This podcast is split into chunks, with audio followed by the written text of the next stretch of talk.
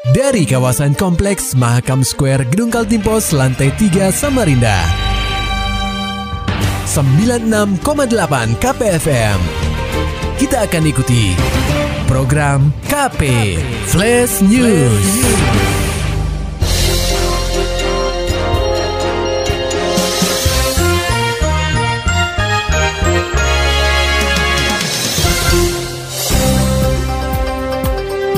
Anda sedang menyimak program KP Flash News bersama saya Agung Pratama.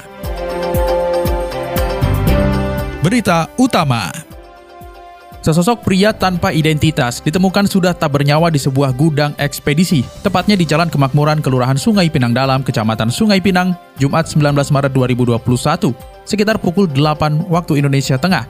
Salah satu saksi mata Aswar menuturkan salah satu pegawainya melihat ada seorang pria tak dikenal sedang terbaring di dekat tumpukan barang. Karena tidak ada yang mengenal, maka pihaknya memanggil petugas kepolisian untuk mengecek kondisinya.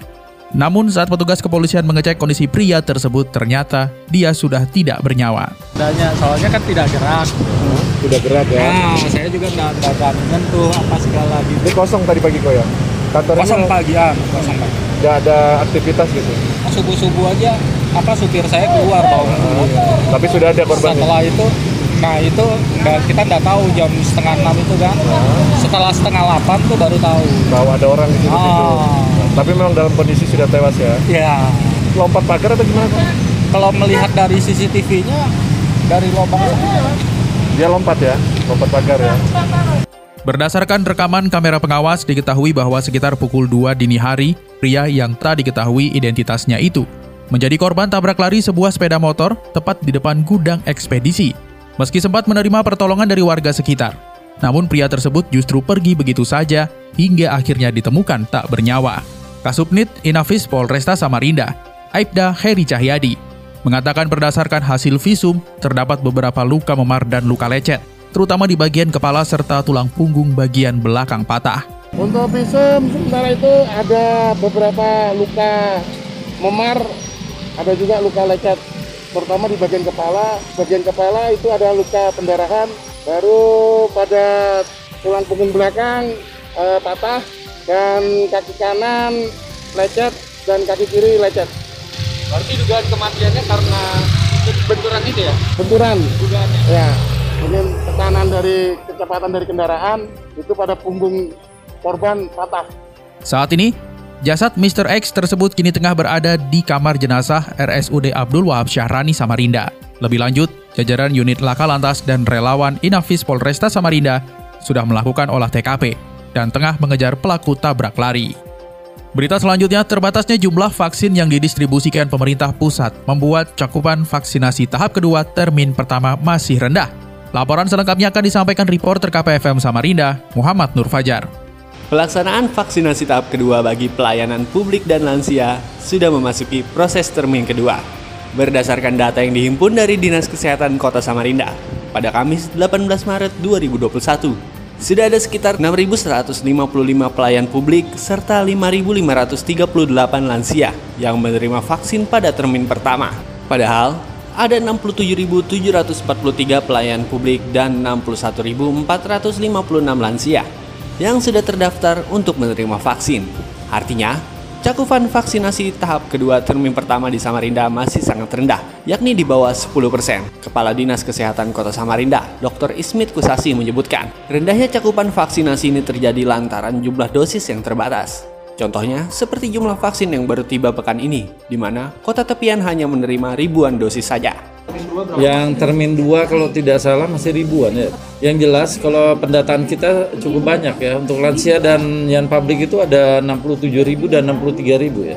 Jadi biar bagaimanapun sekarang kita melihat bahwa antusiasme masyarakat terutama Samarinda ini udah sangat tinggi sekali untuk vaksin dan memang terbukti kan selama pelaksanaan vaksinasi itu insya Allah aman lah ya.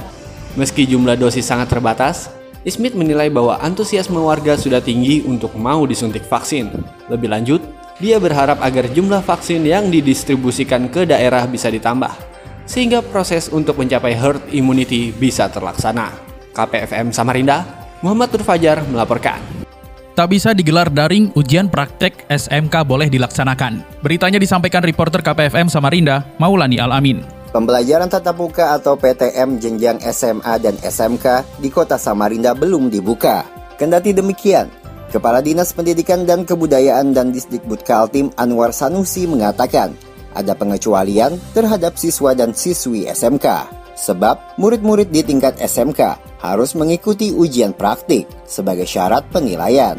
Ujian ini tidak bisa dilakukan secara daring.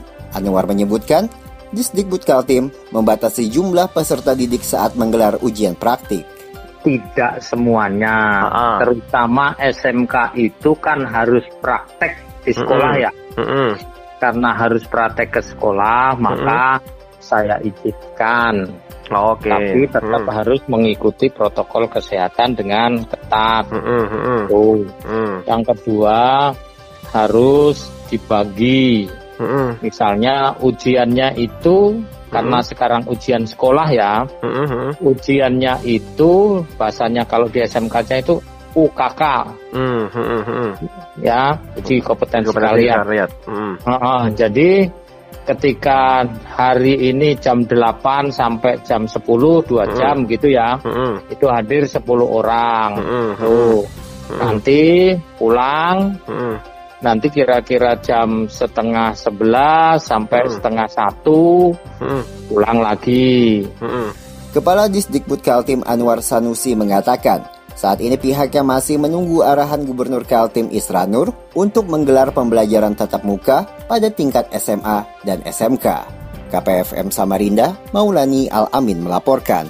Dari dunia olahraga, KONI Kaltim kembali menggelar tes fisik terhadap atlet yang dipersiapkan menuju Pekan Olahraga Nasional atau PON ke-20 di Papua Oktober mendatang. Setelah pada Februari lalu tes fisik diadakan di Samarinda, kali ini kegiatan menyasar para atlet yang berdomisili di Balikpapan, Penajam Pasir Utara, Pasir hingga Berau.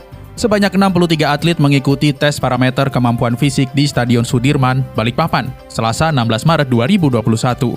Dikonfirmasi via telepon, Wakil Ketua 2 KONI Kaltim Sumarlani mengatakan tes fisik peserta PON ini merupakan rangkaian training center desentralisasi mandiri besutan KONI Kaltim. Sumarlani melanjutkan, selanjutnya setiap cabang olahraga akan membuat program masing-masing guna persiapan PON.